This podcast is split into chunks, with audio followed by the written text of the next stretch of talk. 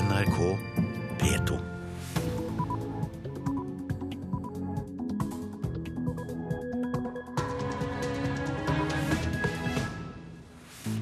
Velkommen til Nyhetsmorgen. Klokka er 6.30. Programleder i dag Anne Gjertlund Hansen, og dette er hovedsakene den neste halvtimen. Rederiforbundets skip med hjelpesendinger og hjelpearbeidere kom i går kveld til Takloban. Med seg har de 100 tonn nødhjelp til ofrene etter tyfonen. Nordmennene som er siktet i overgrepssaken fra Canada, ble plukket ut fra en liste på 13 000 personer. Og den nye regjeringen sørger for et klart tilbakeslag for likestillingen her i landet. Det sier Fagforbundets nye leder. Men likestillingsministeren er ikke enig. Nei, Det vil jeg ta helt avstand ifra. Eh, det er mye god likestilling i, i veldig mange av de feltene som berører mitt departement, men òg resten av regjeringens departement.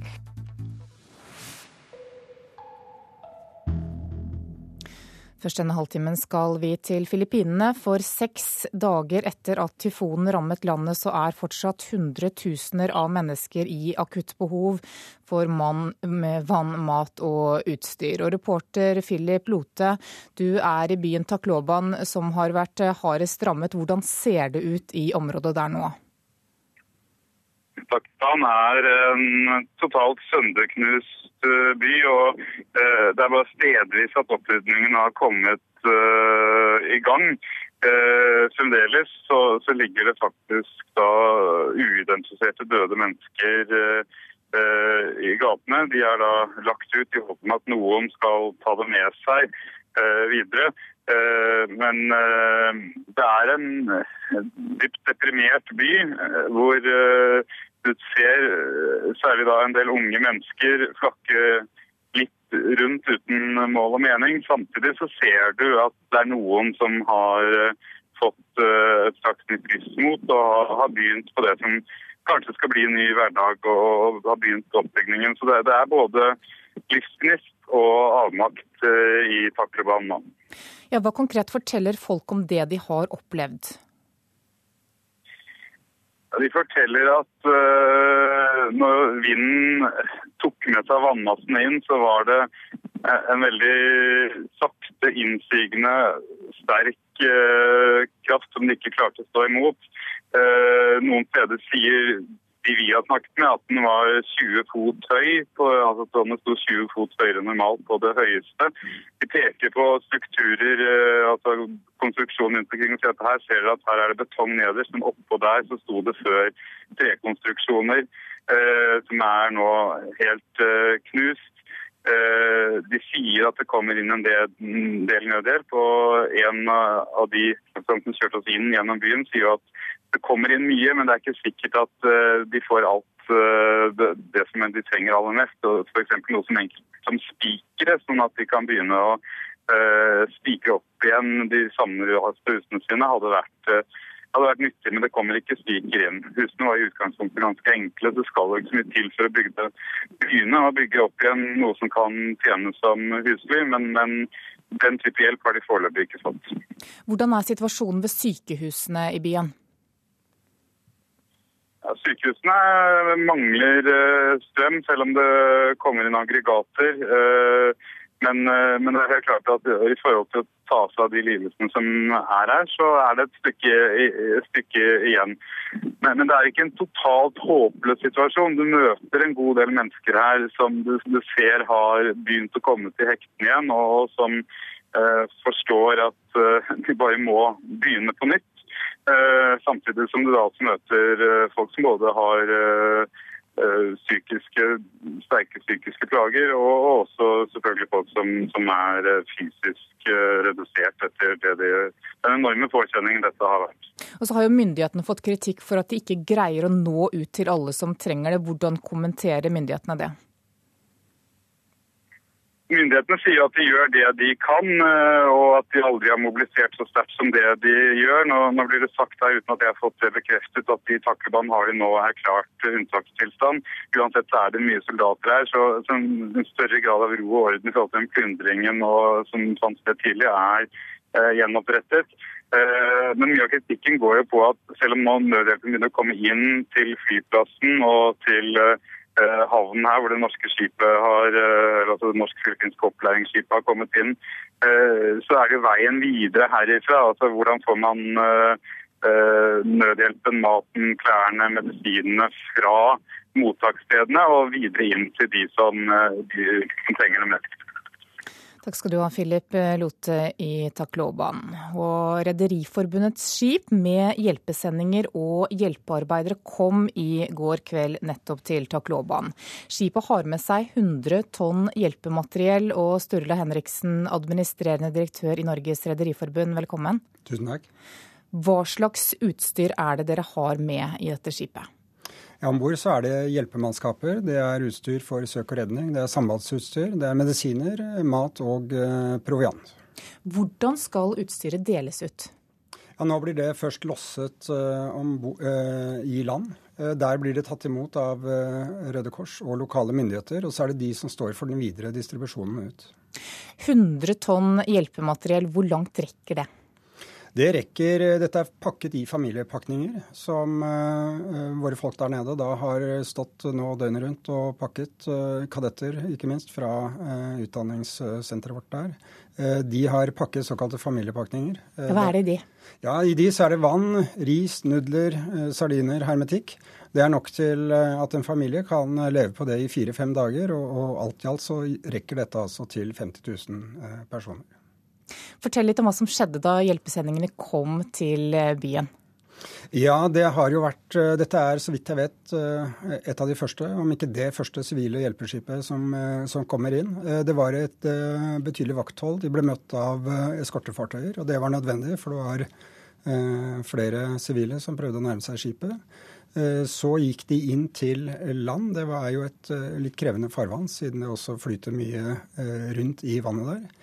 Ehm, på land så er det satt opp eh, sperringer. Der blir det beskyttet av politi og militære. Og så har man da eh, losset båten.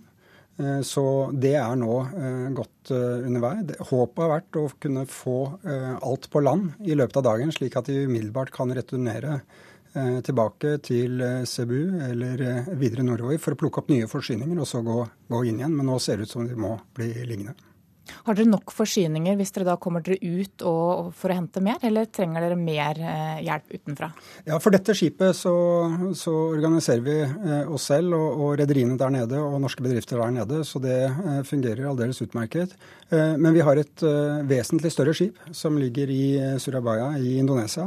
Det har nå, ligget, nå ligger det på andre døgnet, og vi har problemer med å få fylt opp det skipet. Vi har stilt det til disposisjon for FN, men er eh, både frustrert og fortvilet over at eh, FN-systemet ikke klarer da å fylle opp en kapasitet de selv har bedt om, og eh, hvor hundretusener av mennesker er avhengig av denne hjelpen. Ja, Hva er problemet egentlig?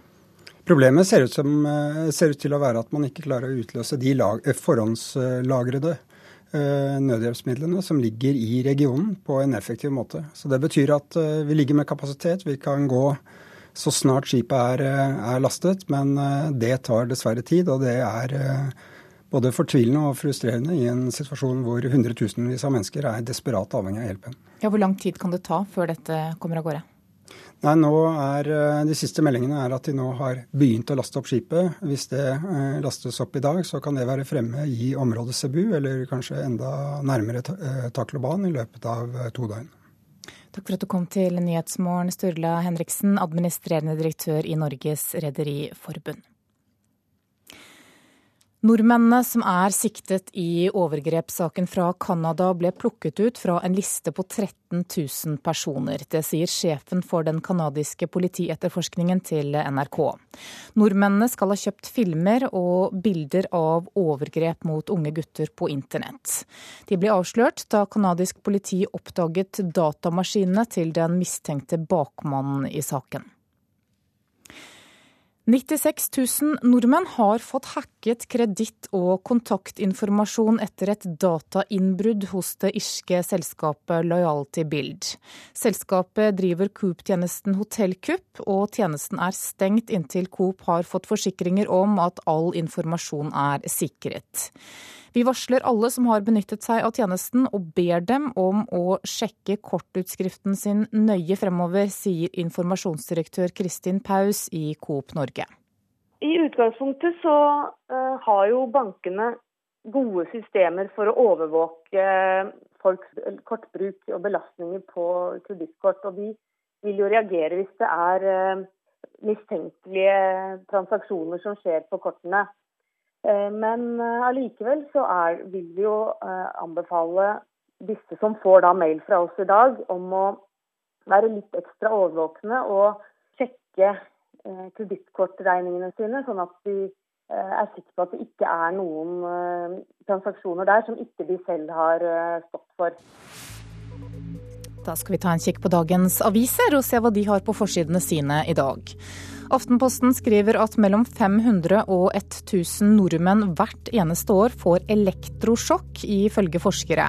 Myndighetene mangler oversikt over bruken og hvordan behandlingene og bivirkningene, verken behandlingene eller bivirkninger rapporteres i noe nasjonalt register. Aslak Sira Myhre kritiserer Per Sandberg i Dagsavisen i dag. Sandberg skriver i boka si at Arbeiderpartiet aldri kan løpe fra at det var de som hadde ansvaret for terrorangrepet 22.07.2011. Det er det samme som å gi offeret skylden for voldtekten, mener Myhre. Gravplast sjokkerer er overskriften på forsiden til Vårt Land. På en kirkegård i Bergen så er gravminner blitt dekket med svarte plastsekker. Og Grunnen til det er at pårørende ikke har fornyet leien av gravplassen. Klassekampen skriver at Finansdepartementet mener at det å fjerne arveavgiften ikke gir noen dynamiske virkninger eller vekst i økonomien, slik finansministeren sier. Dersom regjeringen får med seg Venstre og KrF, så er arveavgiften historie fra nyttår. Arbeiderpartiet krever erstatning til bøndene dersom arveavgiftene blir fjernet. Knut Storberget sier det er skremmende at skatteøkningen for bøndene ved å fjerne avgiften er tilsiktet fra regjeringens side. Bergensavisen skriver om tolv år gamle Stian som har mistet to kamerater i tyfonen på Filippinene. Mormorens hus ble ødelagt i uværet, og nå samler han og klassekameraten inn penger for å hjelpe henne.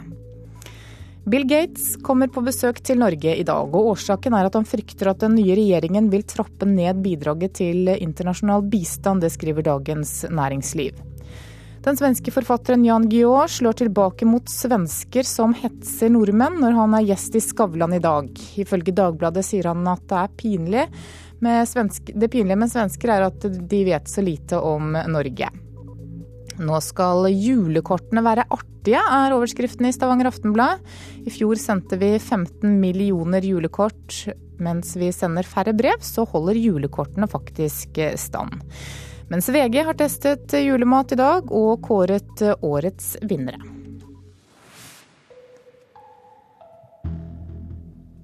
skal vi ha sport her i Nyhetsmorgen. Liv Grete Skjelbreid Poiré har skyhøye forventninger til skiskytter Tora Berger under OL i Sotsji. NRKs ekspert tror konkurrentene får store problemer med å slå den norske utøveren i hennes siste sesong, og tror på flere gull. Jeg eh, tror Tora Berger tar tre OL-gull. Det sier NRK-ekspert Liv Grete Skjelbreid Poiré. Det som hun er god på, det er at hun er mest stabil i verden. Hun er raskest på standplass. Hun er god å gå motbakke, Det er løyper som passer. Hun er den beste kvinnelige utøveren til å kjøre utfor. Det er grunnen til at jeg tror at hun eh, kan slå de fleste i tredistanse. I dag er det sesongstart for skiskytterne på Sjusjøen. I går sa idrettssjef Per Arne Botnan at kvinnelandslaget har som mål å være med i kampen om medalje på samtlige distanser i OL. Tora Berger har lyst på nytt OL-gull, og selv om hun setter pris på støtta fra Poiré, regner hun med tøff konkurranse om medaljene. Ja, hun må nok være trua, det er jo trivelig det. Men eh, jeg tror det er veldig mange andre som har veldig lyst på den medaljen i OL. Jeg må gjøre veldig gode løp, skal få, få det til. Berger vil ikke spekulere i antall medaljer hun kan ta i Sotsji, men Poiré tror konkurrentene kommer til å slite mot Tora Berger i hennes siste sesong. Hun er den beste, og de andre skal forbedre seg ganske mye for å klare å slå henne. Skal gjøre mitt beste på alle distanser, så får vi se hvordan det går. Reporter her var Ines eh, Sander. Du hører på Nyhetsmorgen nå. Klokka er 6.44, og dette er hovedsaker i nyhetene. Rederiforbundets skip med hjelpesendinger og hjelpearbeidere kom i går kveld til Taklobanen. Med seg har de 100 tonn nødhjelp til ofrene etter tyfonen. Nordmennene som er siktet i overgrepssaken fra Canada ble plukket ut fra en liste på 13 000 personer. Og følg oss videre. Prøysen-viser i kortversjon har vært mangelvare, men snart kan landets 240 000 korsangere synge Prøysen for full hals.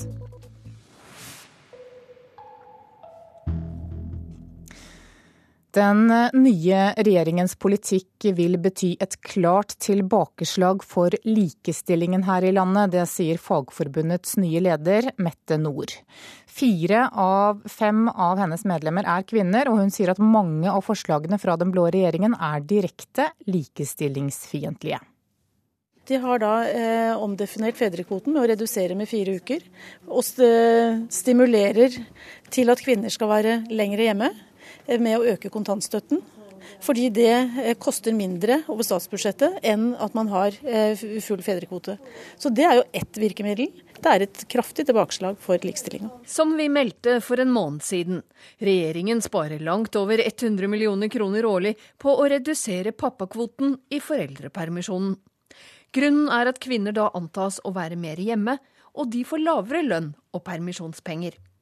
Men det er ikke bare permisjonsreglene Fagforbundets nye leder Mette Nord vil til livs etter at den blå regjeringen har foreslått mange endringer. Det andre som også er grovt i forhold til kvinnepolitikk, det er at man gir legene reservasjonsrett i forhold til abort og både prevensjon og prevensjonsveiledning. Det vil skape problemer for kvinner å ivareta sin reproduktive helse. Barne-, likestillings- og inkluderingsminister Solveig Horne avviser kritikken. Det er litt desperat utspill. Statsråden sier Fagforbundets leder er på ville veier med sine klager. Nei, det vil jeg ta helt avstand ifra. Det er mye god likestilling i veldig mange av de feltene som berører mitt departement, men òg resten av regjeringens departement.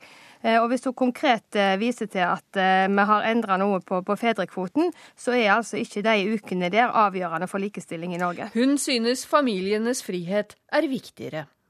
Men statsråd Horne inviterer likevel Mette Nord og Fagforbundet til samarbeid om likestilling i arbeidslivet. Jeg tror uh, vi heller må få en uh, fagbevegelse som jobber aktivt for å få inn uh, likestilling i arbeidspolitikken. og det skal i hvert fall også denne regjeringen være med å bidra til, og ikke henge seg opp i, i ordninger som, som er med å styrke familien. Hovedorganisasjonene i arbeidslivet ble senest i vår enige om å følge opp flere tiltak for likestilling likestilling i arbeidslivet gjennom Arbeidslivs- og pensjonspolitisk råd.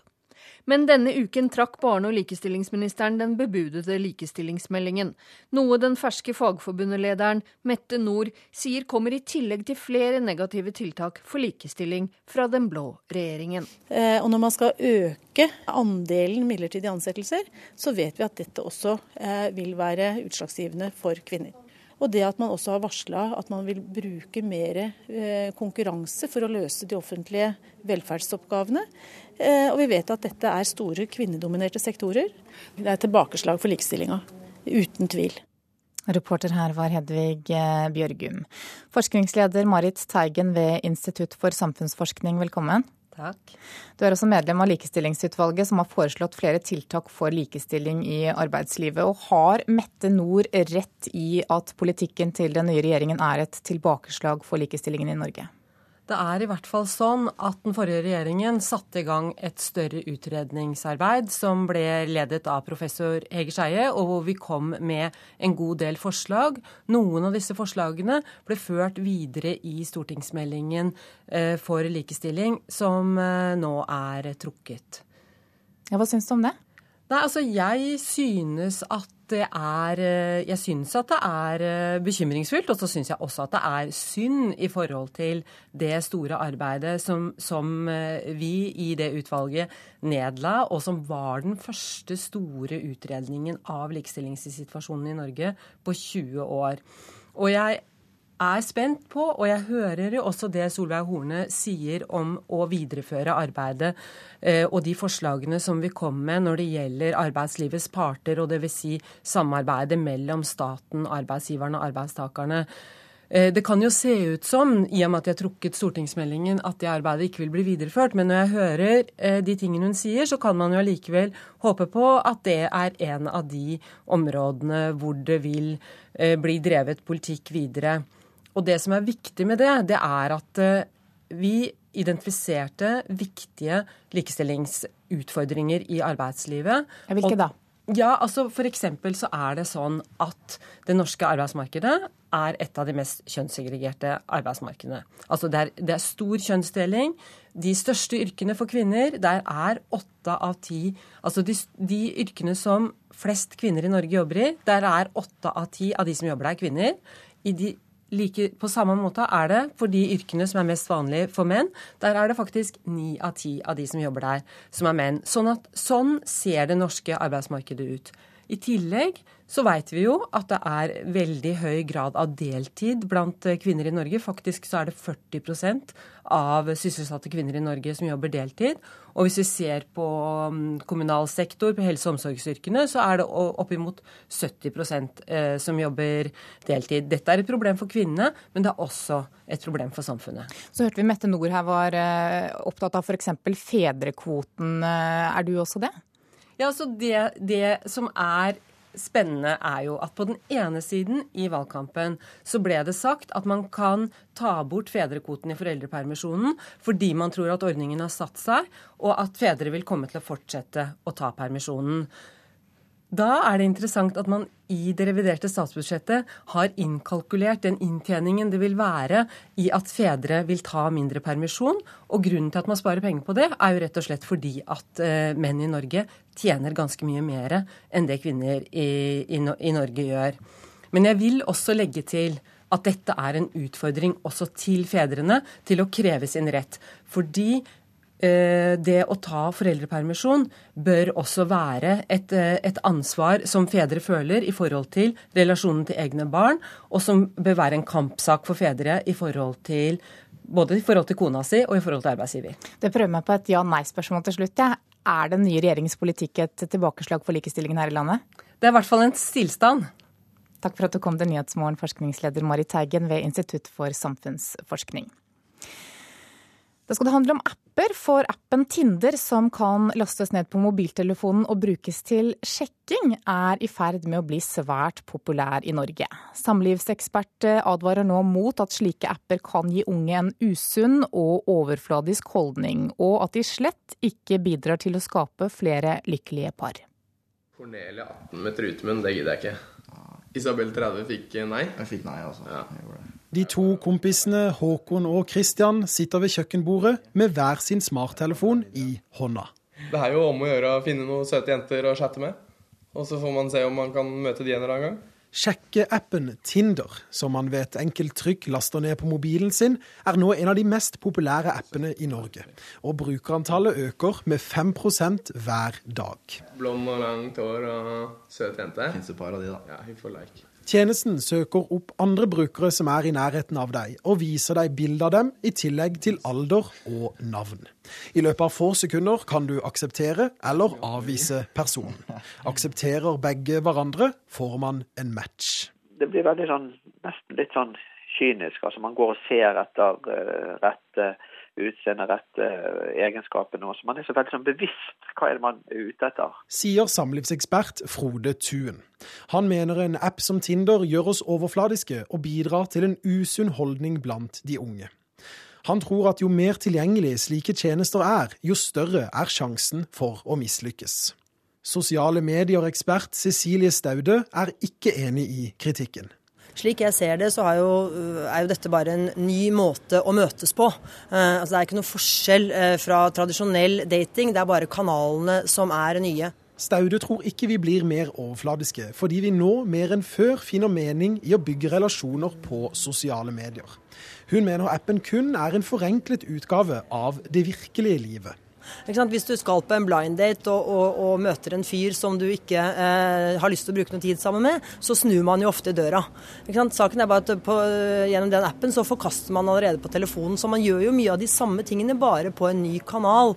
Tinder-skaper Justin Martin sier til NRK at det kun er positivt at man slipper de første vanskelige delene når man skal skape en relasjon, og at det eneste de har gjort er å lage en plattform der to mennesker kan møte hverandre. Altså, Jeg vil ikke si at det bare er overfladisk, at det er bare overfladiske folk og alt det der. Altså, jeg, Folk er uh, genuint interessert i å treffe folk og være hyggelig med folk og fortelle hvem de er. sier Håkon idet han drar tommelen over skjermen og avviser en ny jente på telefonen sin. Bare prinsippet med å kunne avvise eller like noen fra sofaen uten å måtte ut og leite etter dem, er jo fantastisk. Enkelt. Reporter her, det var Christian Ingebretsen. Prøysenviser i korversjon har vært mangelvare, men snart kan landets 240 000 korsangere synge Prøysen for full hals.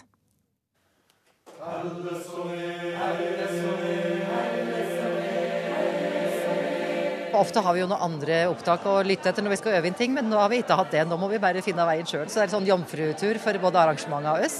Og det er spennende.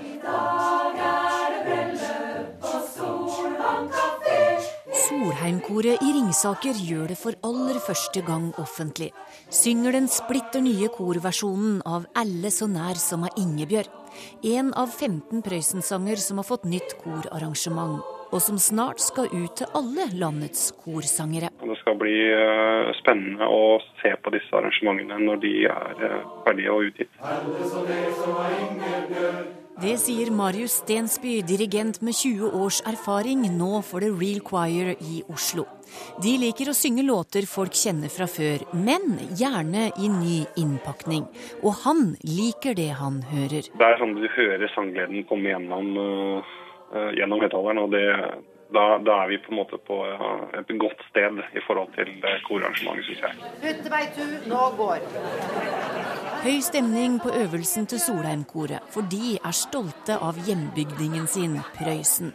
Derfor utlyste de i samarbeid med Norges Korforbund denne konkurransen for å gi sangene hans nytt liv. Min motivasjon for å sette i gang denne konkurransen var for at vi hadde lyst til å kle Prøysen i dagens drakt, kordrakt.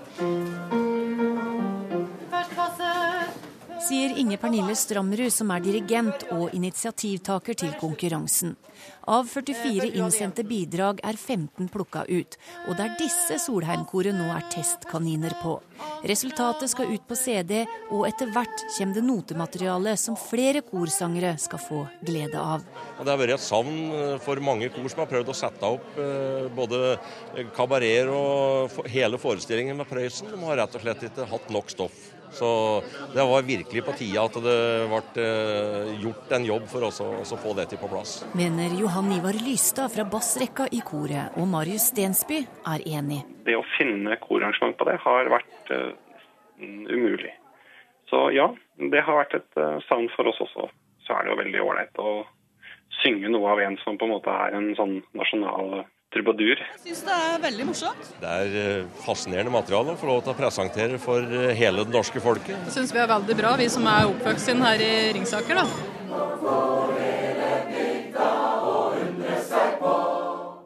Og til sommeren så kåres vinneren av denne konkurransen under Prøysenfestivalen. Reporter her, det var Torunn Myhre.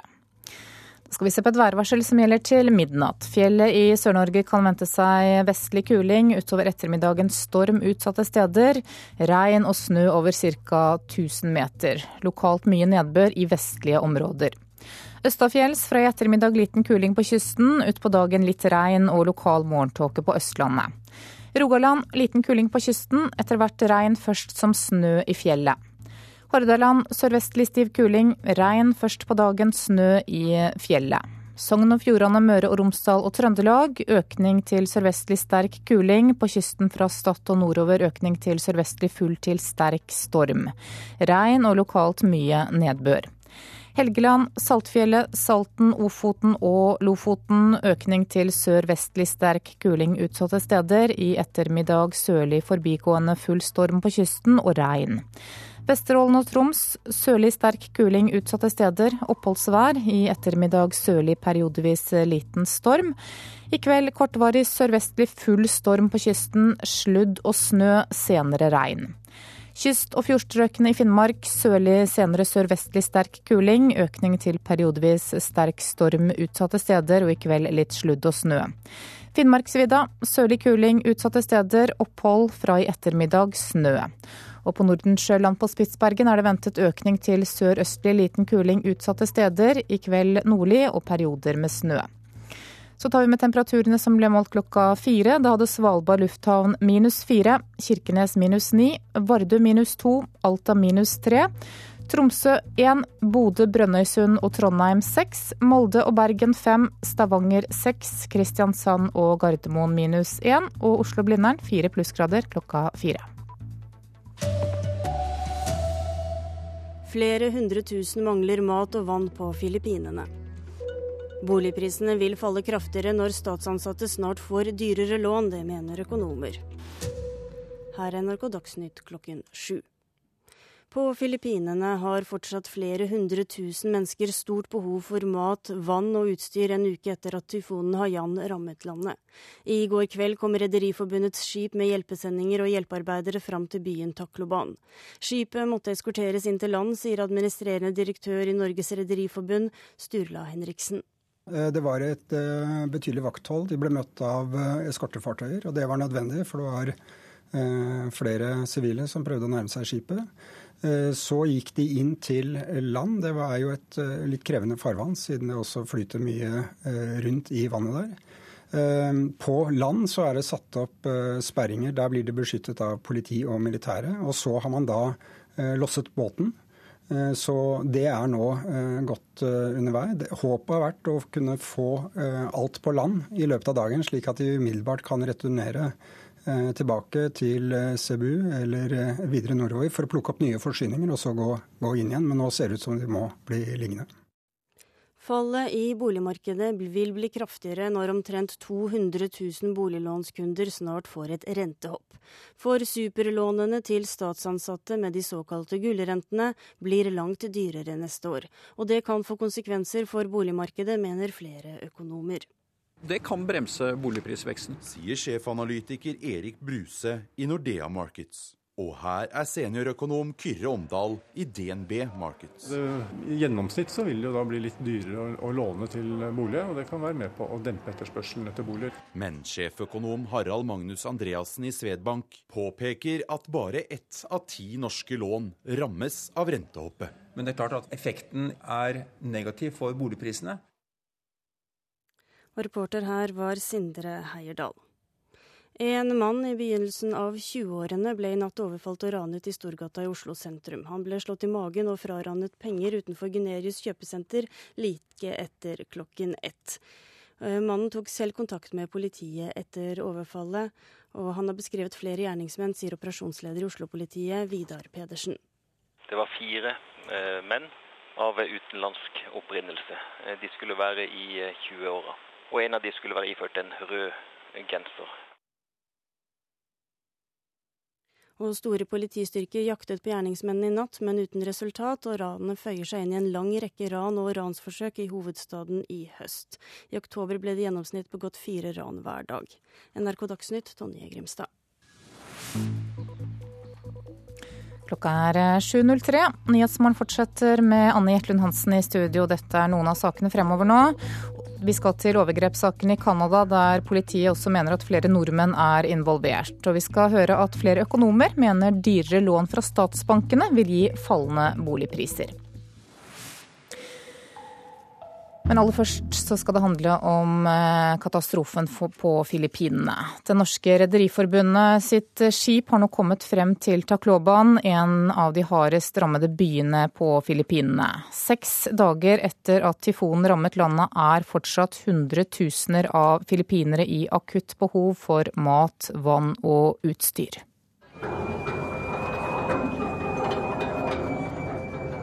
Et skip legger for kai i Tacloban. Egentlig er det et militærskip, men i dag frakter det flyktninger. Desperate flyktninger som prøver å komme seg bort fra den hardt råka øya. No water, no light, no No food. That's very I have a lot of money to buy, but no more food to buy. Det finnes ikke vann, det finnes ikke lys, strøm, ingenting. Jeg har mye penger til å handle, men det er ingen mat til salgs sier en av flyktningene om bord på båten.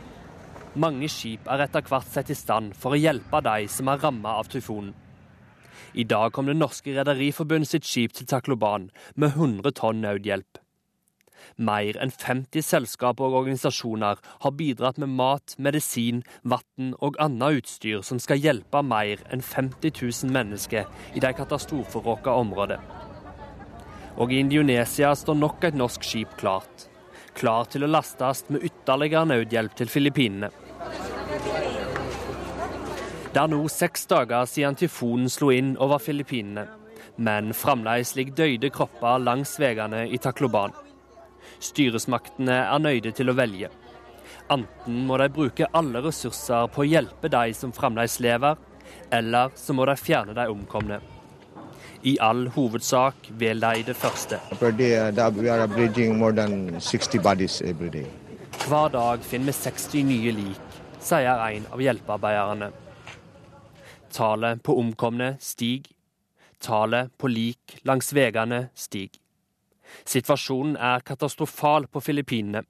Nødhjelpa som kommer fram, hjelper litt, men det vil ta tid, lang tid, før alle de trengende får de sårt trengte ressursene som ble rivende fra dem forrige fredag. Og reporter her, det var Vegard eh, Kjørom. Spesialrådgiver Petter Skauen i Kirkens eh, Nødhjelp, velkommen til Nyhetsmorgen. Takk. Dere er nå på plass på Filippinene. Hva gjør dere når mye nødhjelp skal ut og kapasiteten er begrenset? Ja, da er det veldig viktig å ha klare tanker. Det er veldig viktig å ha hjelpearbeidere med empati, som ser enkeltmennesker. Og det er viktig å ta den tid man trenger, og finne gode nær sagt leirplasser hvor dette utstyret, som går på sanitær og helse, skal etableres, og vannrenseanlegg. Og det er på plass nå. Regner med at de første rene vannet kommer i løpet av helgen. Og det er vi veldig glad for, og det har Kirkens Nødhjelp fått skryt for i disse dager. Fordi vi vet jo at uh, det har vært en kritikk mot hjelpearbeidet. Jeg tror vi har hatt uh, veldig gode rådgivere og vi har gode medarbeidere som har brukt den tiden de trenger, og så er på plass. Vi hører jo på stemmen til de som er intervjuet, at her er det desperasjon, her er det sorg. Det må også hjelpearbeiderne ta hensyn til. Vi har eh, lagt vekt på også å bruke litt tid på enkeltmennesker. Det er jo eh, en befolkning i stor sorg, desperasjon. Det skjer ting som vi eh, vanskelig kan forholde oss til, med plyndring, ran, overfall, voldtekt. Unge jenter kan ikke gå alene og hente vann, hvis det er vann. Så her er det et komplekst hjelpearbeid, og vi må hele tiden være veldig tydelige på hva vi ønsker å gjøre. Du sier at dere konsentrerer dere om enkeltpersoner midt oppi denne store katastrofen. Det er jo så mange som er rammet. Hvem hjelper dere først? Vi hjelper de menneskene som er i det området vi har blitt tildelt, eller funnet å være forsvarlig å, å etablere oss. Og det har vi sett også i Haiti, at det er Vi må tenke litt framover eh, på langsiktig eh, eh bistand. Og hjelpe de menneskene som vi møter. De er desperate, de er dypt fortvilet. Og de må bli sett. Om de blir sett noen minutter av et, et trygt hjelpeteam, så vil det ha virkninger på resten av livet for mange. Det sitter i dag unge menn, kvinner, barn som har sett det verste noen kan se. De har sett død rundt seg, de har sett gjennomspiddet foreldre og dette skal de leve med videre. Hvis vi kan stoppe opp noen minutter og også se den lidelsen, så er, så er det der vi skal være. Så var du også innom eh, at det blir meldt nå om vold, plyndringer og voldtekter. Hvorfor skjer dette her? Det er jo slik at i krigens og katastrofens rom så utløses en del eh, mekanismer. Eh, kanskje ikke bare ondskap, men det vil alltid være der. Det vil være kriminelle gjenger. På Filippinene så har eh, fengslene blitt åpnet. Man kan tenke seg i et fengsel i et land hvor eh, det er desperate mennesker, hvor mordraten er høy. Hvilke mennesker som da er ute i det fri, og som ofte er sterke mennesker. De har vært gjennom treningsopplegg, og de Vi så det i Haiti også. De som kom ut fra fengslene når de raser sammen, de var jo en enorm trussel. Og det er i tillegg desperasjon. Mødre som kanskje har mistet sine barn. Noen har overlevd, de skal ha vann. Vi så et, eh, en scene på TV i går. En lita jente som nyholdt på flaska og begynte å gråte når den skulle over til nestemann. Så det er mange slike scener. Og i tillegg så er eh, ondskapen en, et faktum. Det er jo slik at eh, mennesker er kyniske i den situasjonen hvor, kan, eh, hvor de kan utnytte sårbare mennesker. Takk for at du kom, spesialrådgiver Petter Skauen i Kirkens Nødhjelp, og lykke til med hjelpearbeidet på Filippinene. Nordmennene som er siktet i overgrepssaken fra Canada, ble plukket ut fra en liste på 13 000 personer. Det sier sjefen for den canadiske politietterforskningen til NRK. Nordmennene skal ha kjøpt filmer og bilder av overgrep av unge gutter på internett. Da de ble avslørt, så var det canadisk politi som oppdaget at datamaskinene til den mistenkte bakmannen var involvert i saken. They had their customer were on the servers. So yes, that's where we got the information. Kundelistene var på dataserverne. Det var der vi fant det, sier Lisa Belanger til NRK. Hun har ledet politietterforskerne som har jaktet på bakmennene siden 2010. For første gang fortalte canadisk politi i går om saken på en pressekonferanse.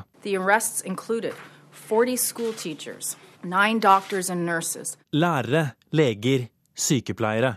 Alle slags folk kjøpte bildene og filmene, sa politiet. De 36 nordmennene som er politianmeldt, kommer fra alle samfunnslag, sier Kripos. Kjøp av overgrepsbilder er svært alvorlig, sier Belanger. The owner of the website was able to pay for original material in other parts of the world because of the demand. Nettstedet tjente penger som betalte produksjon av overgrepsfilmer andre steder, sier Belanger. Over 300 barn skal ha blitt reddet fra overgrep etter hvert som bakmenn har blitt oppdaget. Samtidig skryter Belanger av norsk politi og sier de handlet raskt da de ble koblet inn i saken. Like Norway, Reportere her var Haldor Asvald og Joakim Nyquist. Fallet i boligmarkedet vil bli større når omtrent 200 000 boliglånskunder snart får høyere rente på boliglånet sitt. Det mener flere økonomer.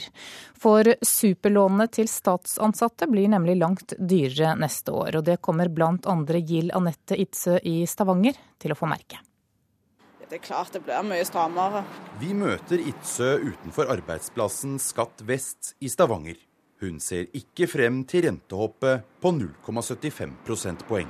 Det blir sånn ca. 500 kroner dyrere i måneden. Andre får en ekstraregning på opp mot 2000 kroner i måneden etter at regjeringen i statsbudsjettet økte renten på statslånene. Men det er en fattig trøst for 33-åringen. Så sent som i mai kjøpte hun bolig.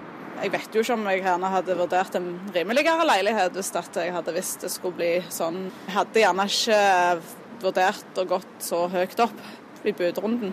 Og ekspertene tror flere vil tenke som Itzø når Statens pensjonskasse og Husbanken skrur opp renta for nesten 150 000 privatkunder 1.3 neste år. Også 1400 borettslag og titusener av andre ansatte med boliglån gjennom arbeidsgiver vil plutselig måtte betale langt mer på lånene sine. Det kan bremse boligprisveksten. Sier sjefanalytiker Erik Bruse i Nordea Markets. Og her er seniorøkonom Kyrre Omdal i DNB Markets. Det dreier seg om en ikke helt ubetydelig del av eh, de som er ute på boligmarkedet og etterspør boliger. Så I gjennomsnitt så vil det jo da bli litt dyrere å, låne til bolig, og det kan være med på å dempe etterspørselen etter boliger. I et marked som er litt på den i den svake leia, for å si det slik. Hvor stort prisfallet blir, er vanskelig for ekspertene å vurdere nå. Men sjeføkonom Harald Magnus Andreassen i Svedbank påpeker at bare ett av ti norske lån rammes av rentehoppet. Effekten er negativ for boligprisene, men neppe særlig stor. Det vil være ubehagelig selvsagt for de som har lånt mye og som har en trang økonomi. Og det vil på marginen kunne påvirke noens vilje til å by på en ny bolig. Ekspertene tror byene er utsatt når bl.a. politifolk og lærere får mindre å rutte med. Ja, det, det, vil jo være i områder da, med mye statsansatte. Men Bruse tror noen boligtyper vil klare seg bedre enn andre. Man kan vel tenke seg at de, de dyreste boligene blir minst rammet, da, eh, hvis, hvis statsansatte har en mer sånn eh, normal lønn. Tilbake i Stavanger innrømmer Itzøe at hennes lån fortsatt vil være relativt billig, sammenlignet med hva privatbankene kan tilby. Men det utgjør mye mer for oss i forhold til andre som har litt høyere lønninger og gjerne har råd til å betale litt høyere rente òg. Det blir jo mer at jeg må tenke mye mer over hva jeg handler når jeg handler. Reporter her, det var Sindre Heierdal. Fagdirektør Jorge Jensen i Forbrukerrådet, velkommen. Takk. Hvordan ser du på at så mange boliglånskunder får et så stort eh, hopp fra 1.3? Ja, Det blir jo spennende å se hvordan dette slår ut i boligmarkedet. og Som reportasjen nettopp viste, vi vet ikke ennå. Men eh, det som vi reagerer på i Forbrukerrådet, det er jo hvor dårlig begrunna denne prisøkninga er. Eh, for vi syns jo ikke departementet her har begrunna prisendringene godt. Hvorfor ikke? Nei, altså, Det det handler om her, det er jo Beklager.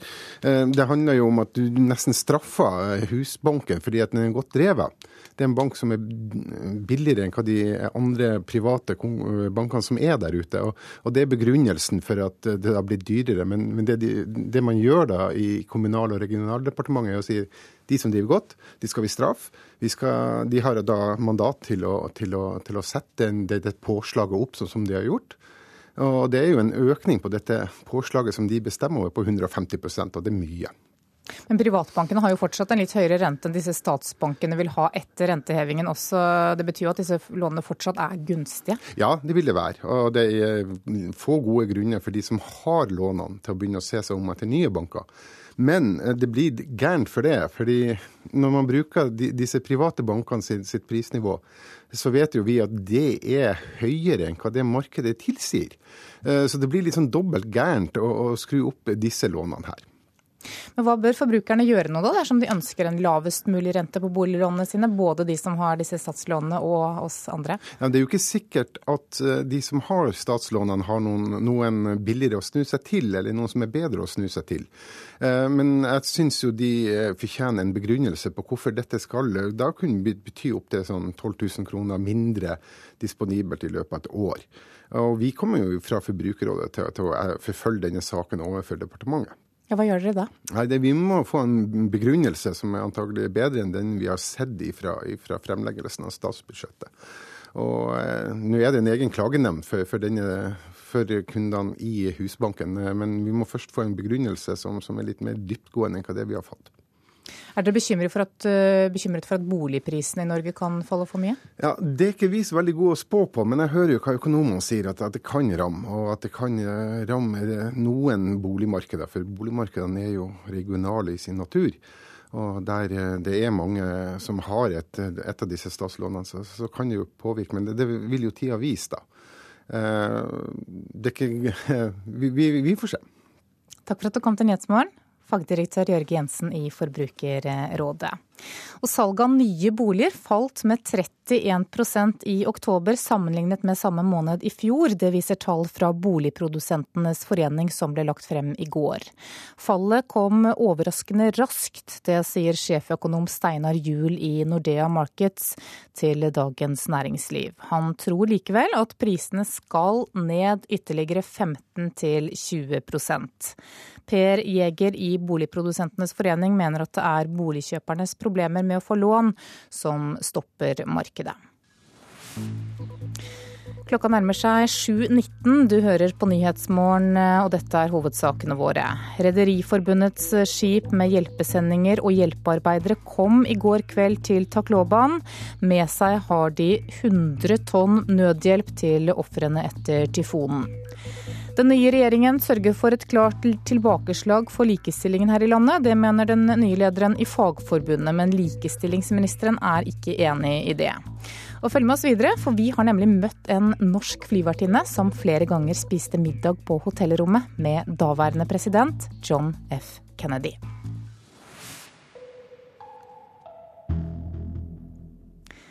Høyre og Fremskrittspartiet blir enige med Venstre og KrF om neste års statsbudsjett i dag. Sentrumspartiene lykkes i å endre på 2,3 milliarder kroner fra regjeringens forslag, etter det NRK erfarer. Og i natt så har regjeringspartiene regnet på de siste skatteendringene. Her er ingenting klart før alt er klart. Ingenting er klart før alt er klart. Alt kan være klart før lunsj i dag. Regjeringspartiene møter Venstre og KrF for å sluttføre forhandlingene om statsbudsjettet klokken ti. Sentrumspartiene har fått gjennomslag for å flytte på 2,3 milliarder kroner, etter det NRK fikk opplyst før midnatt. Jeg syns det har vært en konstruktiv prosess i løpet av dagen. Eh, og eh, fortsetter den, så håper jeg på en eh, enighet i løpet av morgendagen. KrF-leder Knut Arild Hareide fikk i går kveld se den siste regjeringsklarerte skissen fra Høyre og Frp. Det blir mer til bistand og jernbane, 6000 kroner i kontantstøtte, men ikke to barnehageopptak, CO2-kompensasjon til kraftkrevende industri, økt mineraloljeavgift og elavgift, og fortsatt egen skatteklasse for ektefeller, men med halv effekt. Nei, Jeg opplever at vi har en god forhandlingsposisjon. Dette er en regjering som ikke har flertall for sitt eh, budsjett, og som kommer hit. Trine Skei Grande i Venstre har i likhet med KrF samtidig gått med på kutt i antallet syriske flyktninger, slik regjeringen ønsker, får NRK opplyst. Det ligger også an til at de vesentlige skattelettelsene for personer fortsatt ligger inne, i tillegg til at arveavgiften fjernes i tråd med regjeringens forslag. Høyre og Frp la siste hånd på Skatteverket i natt med håp om rask enighet i formiddag. Det har vært konstruktive samtaler, og eh, vi fortsetter i morgen. Vi er ikke i mål, men eh, vi er optimistiske. Og til slutt her hørte vi Høyres Nikolai Astrup, og reporter var Lars Nehru Sand. I Den sentralafrikanske republikk har den humanitære situasjonen blitt mye verre de siste ukene. FN er blant de som nå er redd for at et folkemord er på trappene, og store deler av landets befolkning bor nå i flyktningeleire.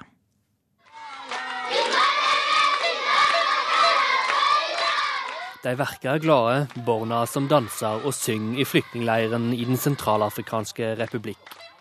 Men det som skjer i landet deres, er ingenting å være glade for. Etter et statskupp i mars ble den skjøre staten omgjort til et lovløst samfunn. Opprørsgruppa Seleka kasta først president Francois Bozise, og danna deretter en ny regjering.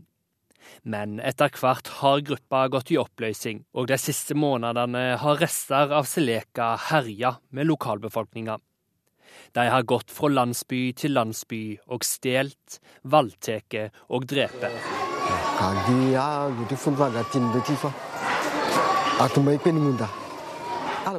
De tullingene kom til landsbyen og starta å skyte. Vi flykta ut i bushen, men de kom også dit for å jakte på oss. Jeg har mista alt, forteller Timothy Totse, som nå bor i en flyktningleir. Det er i dag vanskelig å holde oversikter over hva væpna grupper som er aktive i landet. Men det som er sikkert, er at det er sivilbefolkninga som står igjen som taperne.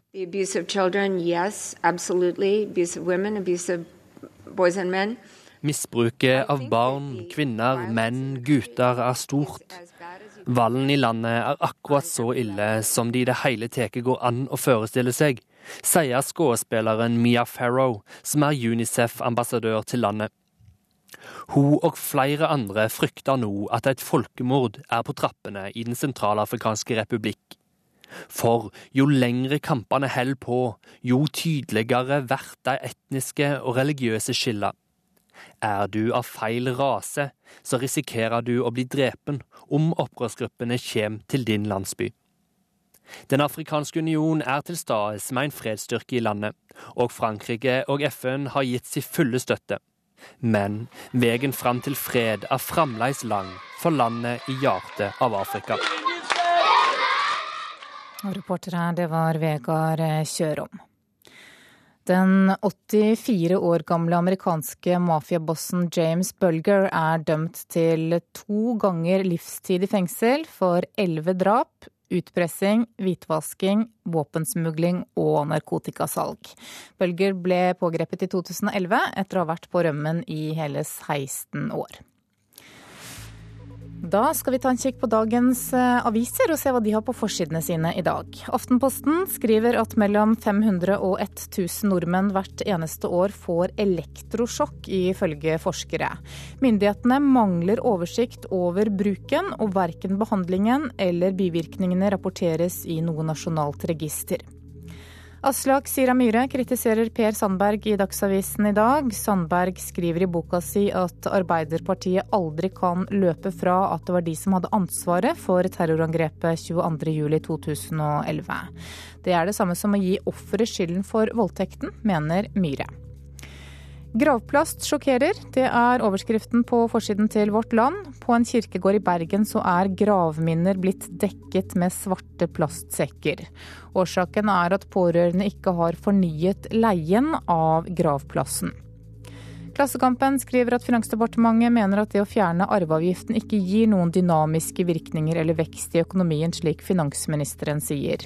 Dersom regjeringen får med seg Venstre og KrF, så er arveavgiften historie fra nyttår. Og Arbeiderpartiet krever erstatning til bøndene dersom arveavgiften blir fjernet. Knut Storberget sier til Nasjonen i dag at det er skremmende at skatteøkningen for bøndene ved å fjerne avgiften er tilsiktet fra regjeringens side. Bergensavisen forteller om tolv år gamle Stian som har mistet to kamerater i tyfonen på Filippinene. Mormorens hus ble ødelagt i uværet, og nå samler han og klassekameratene inn penger for å hjelpe henne. Bill Gates kommer på besøk til Norge i dag, og årsaken er at han frykter at den nye regjeringen vil trappe ned bidraget til internasjonal bistand, det skriver Dagens Næringsliv. Den svenske forfatteren Jan Guillaud slår tilbake mot svensker som hetser nordmenn når han er gjest i Skavlan i dag. Ifølge Dagbladet sier han at det pinlige med svensker er at vi vet så lite om Norge. Nå skal julekortene være artige. Det er overskriften på forsiden til Stavanger Aftenblad. I fjor så sendte vi 15 millioner julekort, og mens vi sender færre brev, så holder faktisk julekortene stand. Mens VG allerede har testet eh, julemat og kåret årets vinnere.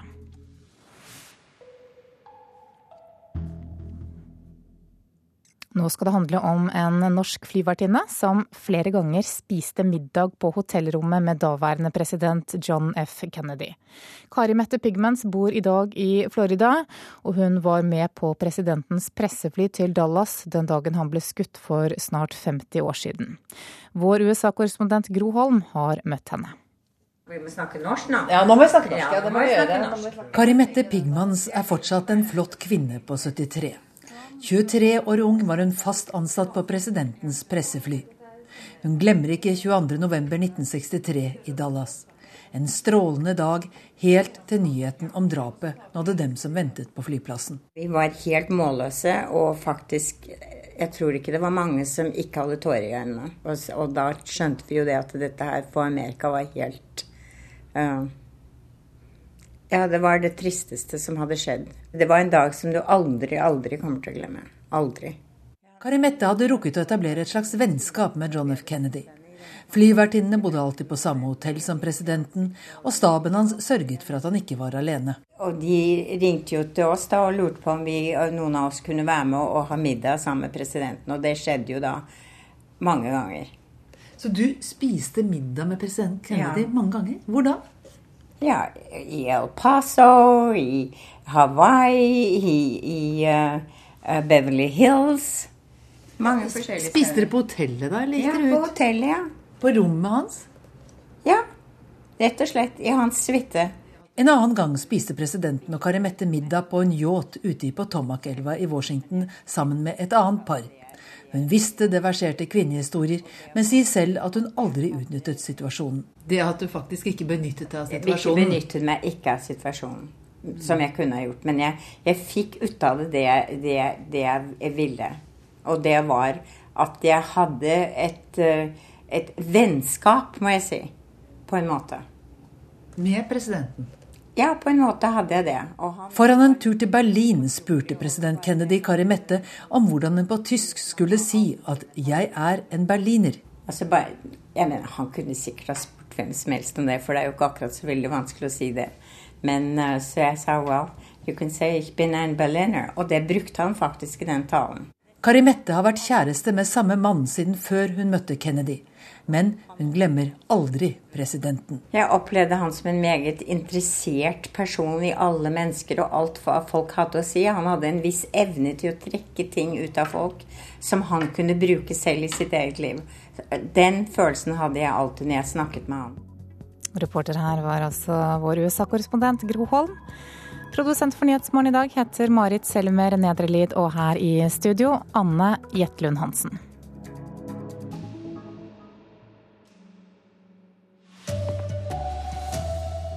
Et norsk skip la til kai i tyfonrammede Tacloban på Filippinene nå i morges. Det er akutt behov for vann og mat.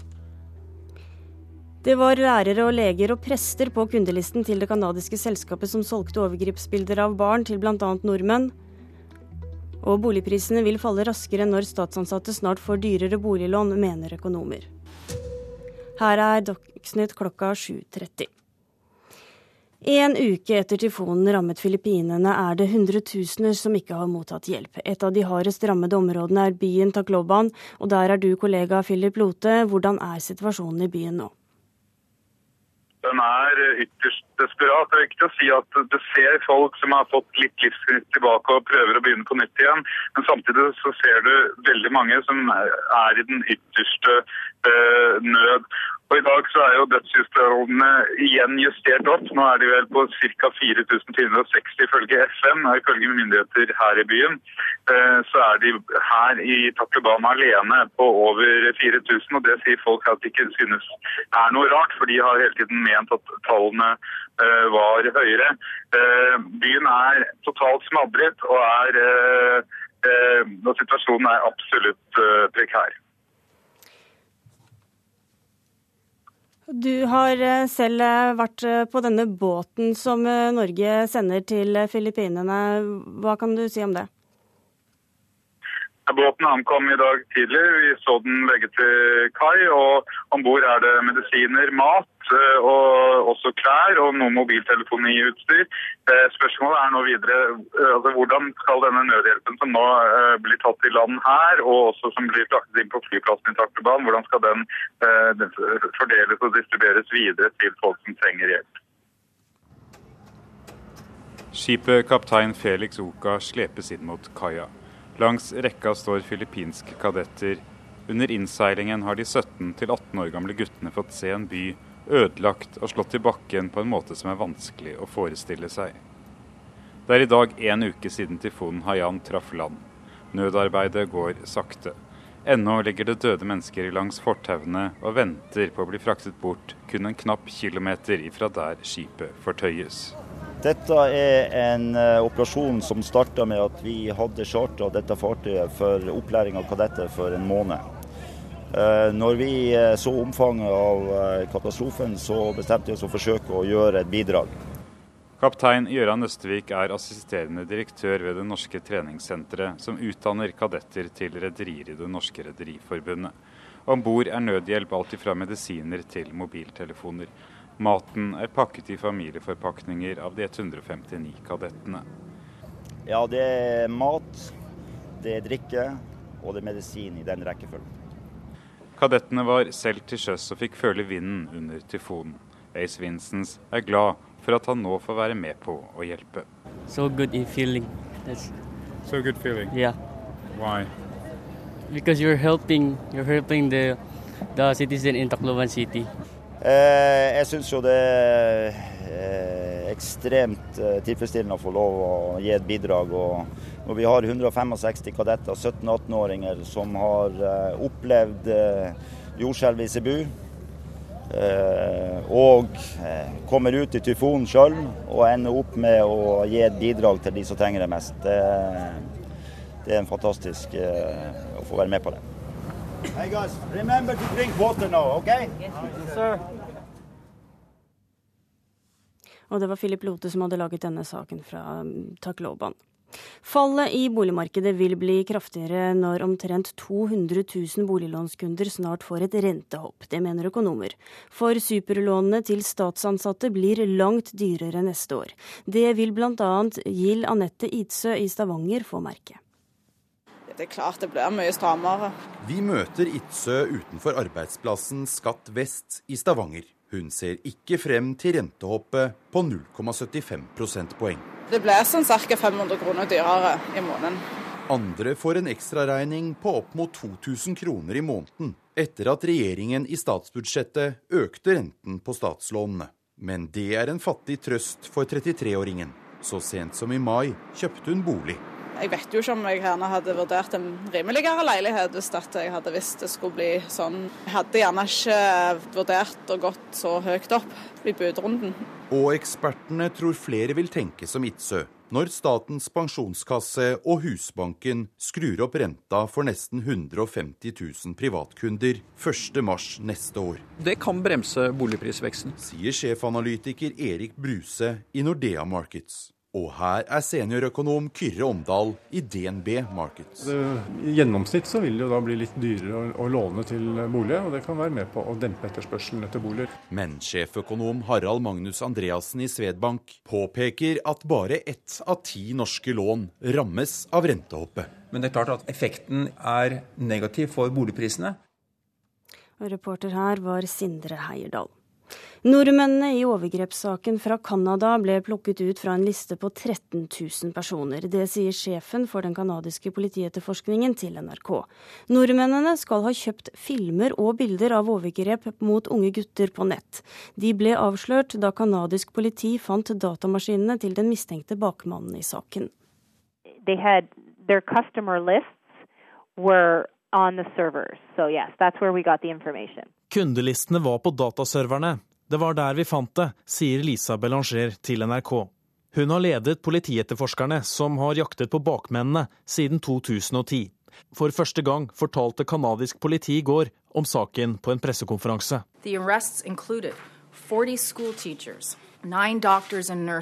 Lærere, leger, sykepleiere. Alle slags folk kjøpte bildene og filmene, sa politiet. De 36 nordmennene som er politianmeldt, kommer fra alle samfunnslag, sier Kripos. Kjøp av overgrepsbilder er svært alvorlig, sier Belanger. The owner of the website was able to pay for original material in other parts of the world because of the demand. Nettstedet tjente penger som betalte produksjon av overgrepsfilmer andre steder, sier Belanger. Over 300 barn skal ha blitt reddet fra overgrep etter hvert som bakmenn har blitt oppdaget.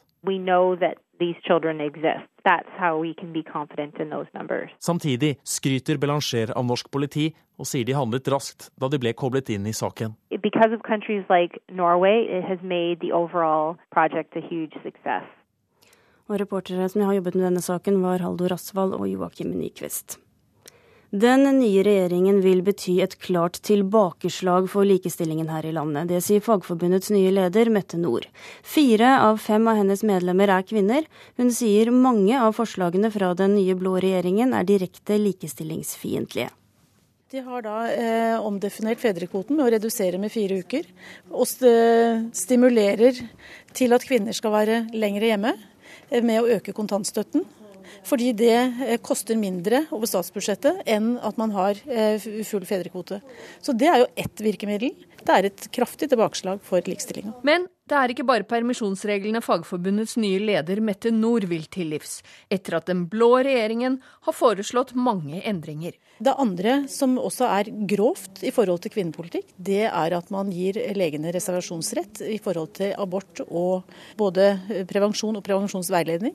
Det vil skape problemer for kvinner eh, å ivareta sin reproduktive helse. Barne-, likestillings- og inkluderingsminister Solveig Horne avviser kritikken.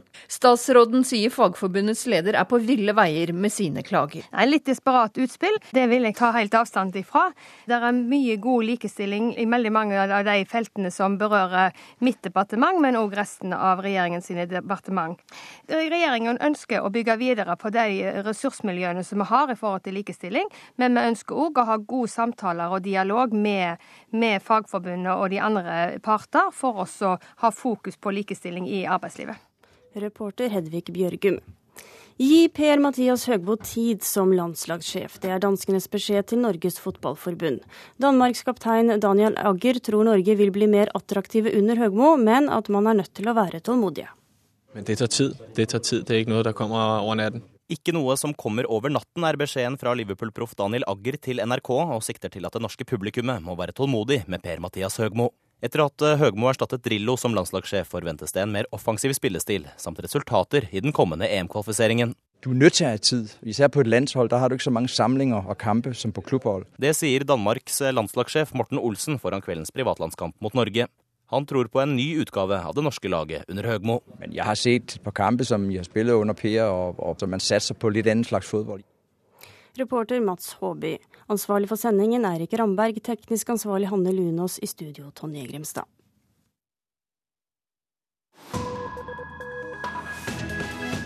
Klokka her er 7.40 og Nyhetsmorgen fortsetter. I Kambodsja så hevder fagorganiserte at de blir trakassert på arbeidsplassen, og de siste tre månedene har de streiket for å få lov til å drive fagforeningsarbeid. Situasjonen er uholdbar, det mener Fremtiden i våre hender. Hver dag sto hun med den vesle vogna si og solgte kokt ris sammen med dattera. Navnet hennes var Engsokom. Det var rett foran vogna demonstrasjonen ble voldelig. Streikende tekstilarbeidere kasta stein på politiet, som svarte med gummikuler, tåregass og til slutt skarpe skudd. Et av skuddene traff Eng som kom i brystet. Hun ble sendt med en tuk-tuk, ei mopeddrosje, til sykehus, men livet sto ikke til å redde. Arbeidsløse i Kambodsja betyr ofte at en ikke lenger har råd til mat eller tak over hovedet. Derfor kan fabrikkarbeiderne drive rovdrift, behandle arbeiderne slik de vil. Det toppa seg i fjor, forteller Karin Lefler fra Framtiden i våre hender. Da besvimte 2100 på jobb. Vi har sett svært mange massebesvimelser. I, eh, I 2012 var det et eh, toppår. Da ble det registrert 2100 massebesvimelser. Det må du forklare litt. Hva eh, ligger i begrepet massebesvimelse? Massebesvimelser er rett og slett når den ene etter den andre arbeideren segner om eh, og besvimer pga. Eh, bakenforliggende årsaker, sånn som eh, at man har jobbet altfor lenge, man har hatt altfor lange arbeidspass. Og fabrikkeierne hater streik. De har som vane å gi alle streikende oppviglere sparken, for så å leie inn igjen de angrende synderne til ei lågere lønn. Men arbeiderne ved fabrikken SL Garment har fått nok. I tre måneder har de streika i protest mot at fagorganiserte blir trua, trakasserte og til slutt får sparken. SL Garment har kleskjeder som Hennes og Maurits, Gap og Sara som kunder. Nå må disse kleskjedene legge press på fabrikkledelsen, mener Lefler. Kleskjedene som er involvert i produksjon ved fabrikken, dvs. Si både eh, Sara og HM, at de skal gjøre sitt absolutt ytterste for at man får til en avtale mellom ledelsen på SL Garments og fagforeningen som gir gode og trygge forhold for arbeiderne. Slik situasjonen nå har utviklet seg, så er det helt uholdbart.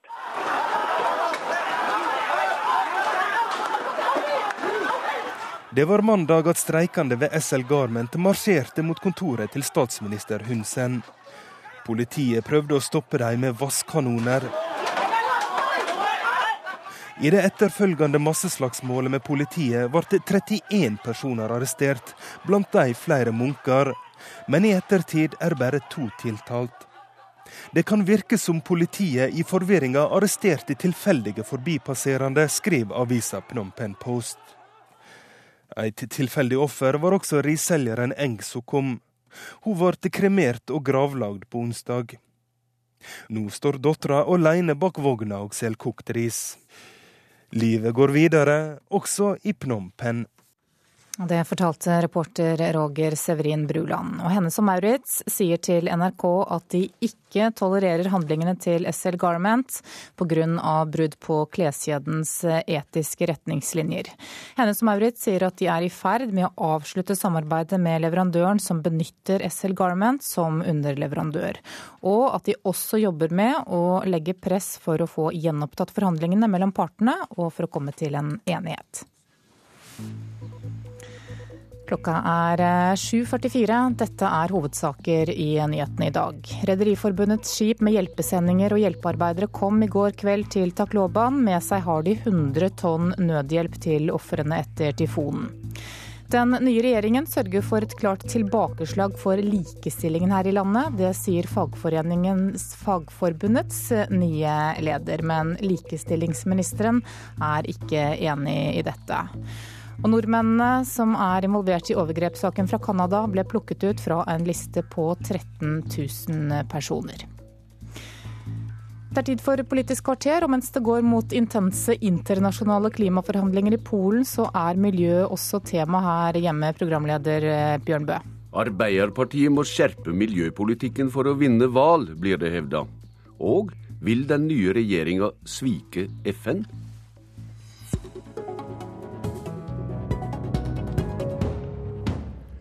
Arbeiderpartiet tapte valget delvis pga. dårlig miljøpolitikk. Denne analysen sto AUF-leder Eskil Pedersen for i Aftenposten i går.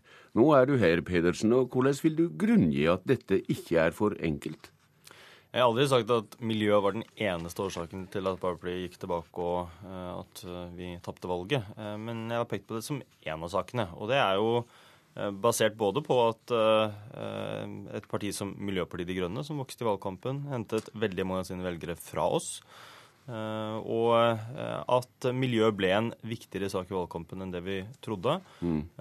Og vi ikke hadde gode nok svar. Ja, men du så likevel at velgerne slett ikke flokka seg i store mengder rundt de mer profilerte miljøpartiene.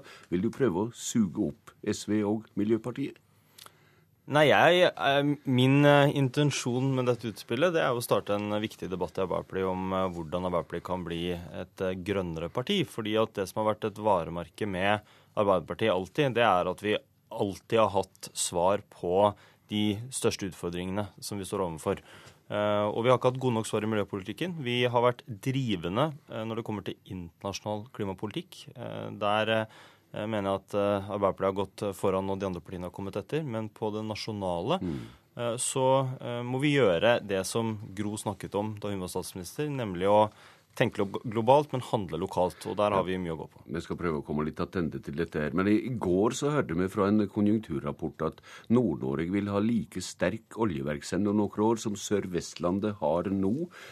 For å være konkret, i hva grad er det slik utvikling du vil kjempe imot?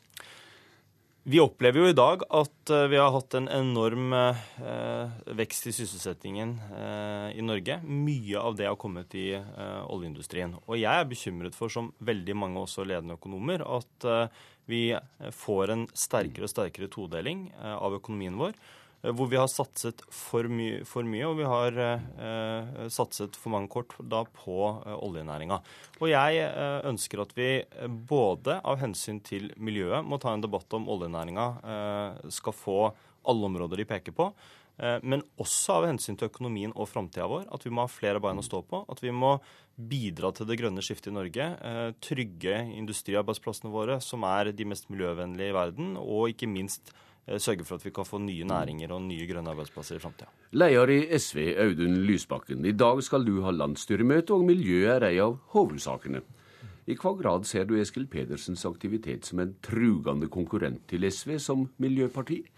Jeg ser uh, Eskil sitt utspill som veldig positivt og, og helt nødvendig. Fordi uh, uh, vi ser mer og mer at klimautfordringen er vår generasjon folkevalgte store spørsmål. Det er det vi kommer til å bli målt på uh, i ettertiden, om vi handlet mens det ennå var tid. Alvoret blir uh, mer og mer påtrengende. Situasjonen på Filippinene nå understreker det, uh, der Filippines sjefsforhandler nå ber verden handle for å unngå at hans land blir utsatt for enda villere vær i framtiden.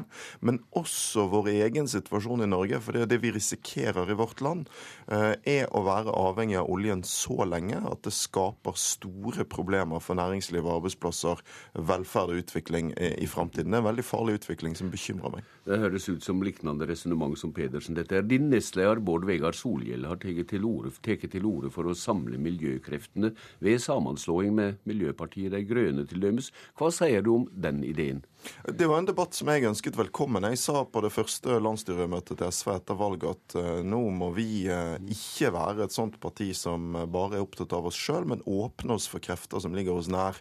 Både røde og grønne krefter. Og diskutere hvordan det vi står for, det røde og det grønne i norsk politikk, kan bli sterkere. Hvordan vil du stille deg dersom noen vil ha avrøsting om dette i landsstyret ditt? Altså, nå er det jo eh, ingenting som tyder på at det er noen eh, diskusjon om sammenslåing av partier som er nært eh, forestående. så Det er ingen grunn til at vi skal ta stilling til det nå. Men at vi har en debatt i SV om hvordan det vi står for skal kunne bli sterkere, det mener jeg er helt naturlig. Eh, så får landsstyret diskutere eh, veien videre rundt det. Men, men, det det konkret handler om nå, er jo hvordan vi kan klare å samarbeide med krefter rundt oss, bl.a. for å løfte miljøsaken tydeligere i norsk politikk. Da er De Grønne viktig. Eh, Eskil og AUF er viktig. Eh, en rekke krefter som vi trenger å få med oss hvis vi skal få en sterkere grønn fløy i norsk politikk. Og det, det er det veldig behov for. Så er det ingen tvil om at eh, det rød-grønne samarbeidet viste at nettopp når det gjelder olje og klima, er kanskje det området der uenigheten mellom SV og Arbeiderpartiet er størst. Og Derfor er det viktig at den debatten kommer i Arbeiderpartiet. Ja, her er det en viss flørt, Pedersen. Vokster som grunnlag også for miljøvern har vært mantra for Arbeiderpartiet. ikke sant? Hvordan mener du det skal være mulig å snu på denne politiske tilnærminga i Arbeiderpartiet? Men jeg mener at når vi diskuterer miljøpolitikk, så eh, oppstår det en del sånn unødvendige eh, konflikter. Altså, eh, Når jeg tar til orde for et grønnere Arbeiderparti, så betyr ikke det at vi skal ta SVs velgere eller ta Miljøpartiet De Grønnes velgere mm -hmm. eller andre. Eh, finnes, eh, jeg tror det finnes nok miljøvelgere der ute til, å, til, at flere partier kan eh, mobilisere. Verka ikke overtydende ved valget nå, riktignok, da? Jo, men det, miljø var en viktig sak på dagsordenen. Og jeg tror det er altfor lett å, å, å, peke på sånne ettervalgsanalyser som viser at miljø ikke var den viktigste saken i valgkampen. Miljø er en framtidssak. Miljø handler om eh, veldig mye forskjellig. Men den andre liksom, unødvendige konflikten, det er eh, hensynet arbeid eller miljø. Det er fullt mulig å forene vekst. Det er fullt mulig å sørge for at eh, Norge eh, har flere bein å stå på. Det er helt nødvendig at vi har flere bein å stå på i framtida. Og det handler om et grønt skifte hvor eh, ikke all sysselsettingen i framtida skal være bundet opp i oljenæringa, men at vi skaper nye verdier, nye, ny industri, nye arbeidsplasser. Og Derfor så må vi slutte med å uh, skape den type konflikter som egentlig er unødvendig. Lysbakken, ut ifra ditt engasjement for miljøet, er det kanskje logisk at uh, du slår pjaltene sammen med Eskil Pedersen og melder deg inn i Arbeiderpartiet? Nei, det er det jo ikke. fordi uh, For det første er det forskjellene på SV og Arbeiderpartiet at vi tar mål av oss til alltid å være et pådriverparti. Det er partiet som tør å tenke nye tanker først, og miljøsaken er et godt eksempel på det. Uh, SV har snakket om miljø og klima i mange år der Arbeiderpartiet ikke gjorde det. Ja, men Hvordan vurderer du da hvorvidt du kan få mer gjennomslag for miljøpolitikkårsak utenfor eller innenfor regjering? Altså, Vi har jo vurdert det sånn, og det er jo helt riktig, at måten å få gjennomslag i klima-, miljø- og oljepolitikken på har vært å sitte i regjering. Uh, og det er jo sånn at Hvis du ser på resultatene av den rød-grønne regjeringen, så er de viktigste miljøseirene kommet nettopp fordi SV har sittet i regjering. Men så er det også sånn at Norge i dag er et land som er altfor oljeavhengig. Uh, og dette er jo ikke et spørsmål bare om å snakke snakke mest om miljø, men om å faktisk være villig til å ta de vanskelige valgene som gjør Norge til et foregangsland, og som forbereder oss på framtiden. Og Da må vi ha et lavere oljetempo, vi må verne sårbare områder, vi må bremse utvinningen, og vi må trekke oljefondet ut av olje og gass, sånn at vi ikke nå gjør det Norge gjør i dag, nemlig å gamble mot våre egne klimamål, og i praksis eh, satse på at vi skal tjene penger på at menneskeheten ikke løser klimaproblemer. Og der har SV og Arbeiderpartiet vært veldig uenige. Det har vært det kanskje vanskeligste spørsmålet de årene vi har styrt. Og det er et av de viktigste spørsmålene å rydde opp i årene som kommer, for å legge grunnlag for uh, framtidige rød-grønne samarbeid. Pedersen, er ditt svar egentlig å snevre inn eller spisse Arbeiderpartiets politiske hovedbudskap mot miljøpolitikk? Nei, jeg mener at Arbeiderpartiet skal være et bredt parti eh, det, som bryr seg om veldig mange ulike typer temaer. Men eh, jeg mener at vi skal bruke styrken til Arbeiderpartiet. Arbeiderpartiet eh, har tradisjonelt vært et av de fremste miljøpartiene i Norge. Mm. Som opprettet Miljøverndepartementet, som har vernet områder, som har vært drivende på mye av det klassiske miljøvernet. Men nå mener jeg at tiden er inne til å ta en debatt om klimapolitikk og hvordan vi skal gjøre mer her hjemme. og Da skal vi bruke styrkene vi skal eh, vri sysselsettingen over fra en total vekst i oljenæringa til eh, nye, eh, ny industri, nye næringer i Norge. Det skal vi gjøre gjennom aktiv næringspolitikk, omlegging av skattesystemet. Det har eh, Arbeiderpartiet alltid stått for. Da får vi ta debatten i Arbeiderpartiet en annen dag. Takk til deg, AUF-leder Eskil Pedersen. Lysbakken, du blir med videre.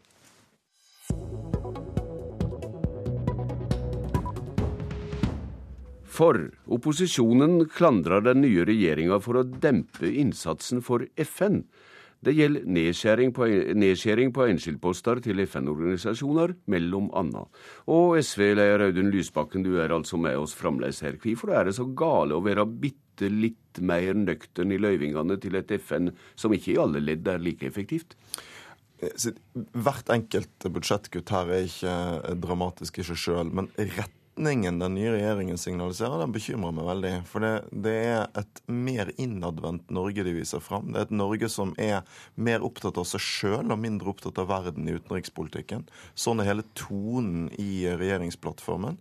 Og sånn er også profilen i de kuttene de nå gjør. Vi er altså et land som sitter på den grønne grein, men som ikke lenger skal ta seg råd til å gi én krone av hver hundrelapp vi tjener til bistand, og som velger å gå bort fra det som var en veldig viktig riktig linje for den regjeringen SV satt i, nemlig at et lite land er tjent med å styrke FN. I uh, denne regjeringens regjeringsplattform står det mye mer om Nato enn om, om FN, og man velger å kutte i viktige FN-organisasjoner. Talskvinne for Høyre, Sylvi Graham, hvorfor tykker du kritikken av FN-politikken er urimelig? Ja, Sånn er tonen i den nye regjeringens FN-politikk, sier eh, min opponent her. Men det er jo ikke alle som har godt gehør. Mm. Og jeg må jo si at eh, FN er helt klart også for denne regjeringen vår fremste globale samarbeidsforum. Og det er viktig for å sikre en, en utvikling i verden. Det utgjør fortsatt hovedlinjen i vår eh, utenrikspolitikk, som alle andre foregående regjeringer også har fulgt. Mm. Og vi har jo i samarbeidsplattformen også sagt noe om dette for den nye regjeringen, hvor vi vil bygge vår politikk mm. på et forpliktende og internasjonalt samarbeid og skal være en aktiv bidragsyder i FN. Ja, Lysbakken. Røyksignaler fra budsjettingene i Stortinget går ut på at 1% av brutto nasjonalinntekt til bistand skal være sikra. Da er det vel greit? Det er jo bra, men det er jo uh, trist at vi har en regjering som skal sende det signalet at den egentlig ikke vil. Uh, fordi vi nå er i en tid der det er utrolig viktig at de rikeste landene går foran og signaliserer til andre. Det er ikke disse 300 millionene som er det viktigste i seg sjøl, men det at Norge fortsatt skal være en pådriver for å få andre rike land opp på 1 %-nivået. Og så, så, kan man jo, Det er mulig at mitt gehør ikke er perfekt, men jeg kan telle. Uh, og en liten øvelse som ikke, ikke sier alt, men sier litt, er at jeg tok og søkte på hvor mange ganger det sto FN og Nato i Soria Moria-erklæringen og i Sundvolden-erklæringen til den nye regjeringen. Det sto altså om FN 41 ganger i vår erklæring og fem ganger om Nato, mens det sto om FN syv ganger i den nye og ti ganger om Nato. De sier bitte litt, men det viktigste er at når det kommer til stykket, så velger de altså å gå bort fra å kreve FN-mandat for norske soldaters oppdrag i utlandet, og en tredjedel av bistandskuttene i FN-organisasjoner. Det viser at denne regjeringen er ikke opptatt nok av FN. og Det er feil vei for et lite land som Norge. Og det er også feil vei hvis vi skal ha effektiv bistand og nødhjelp ute i verden. Utgangspunktet ditt her var mer kvantitativ enn kvalitativt analyse. Ja, det var begge deler. Si.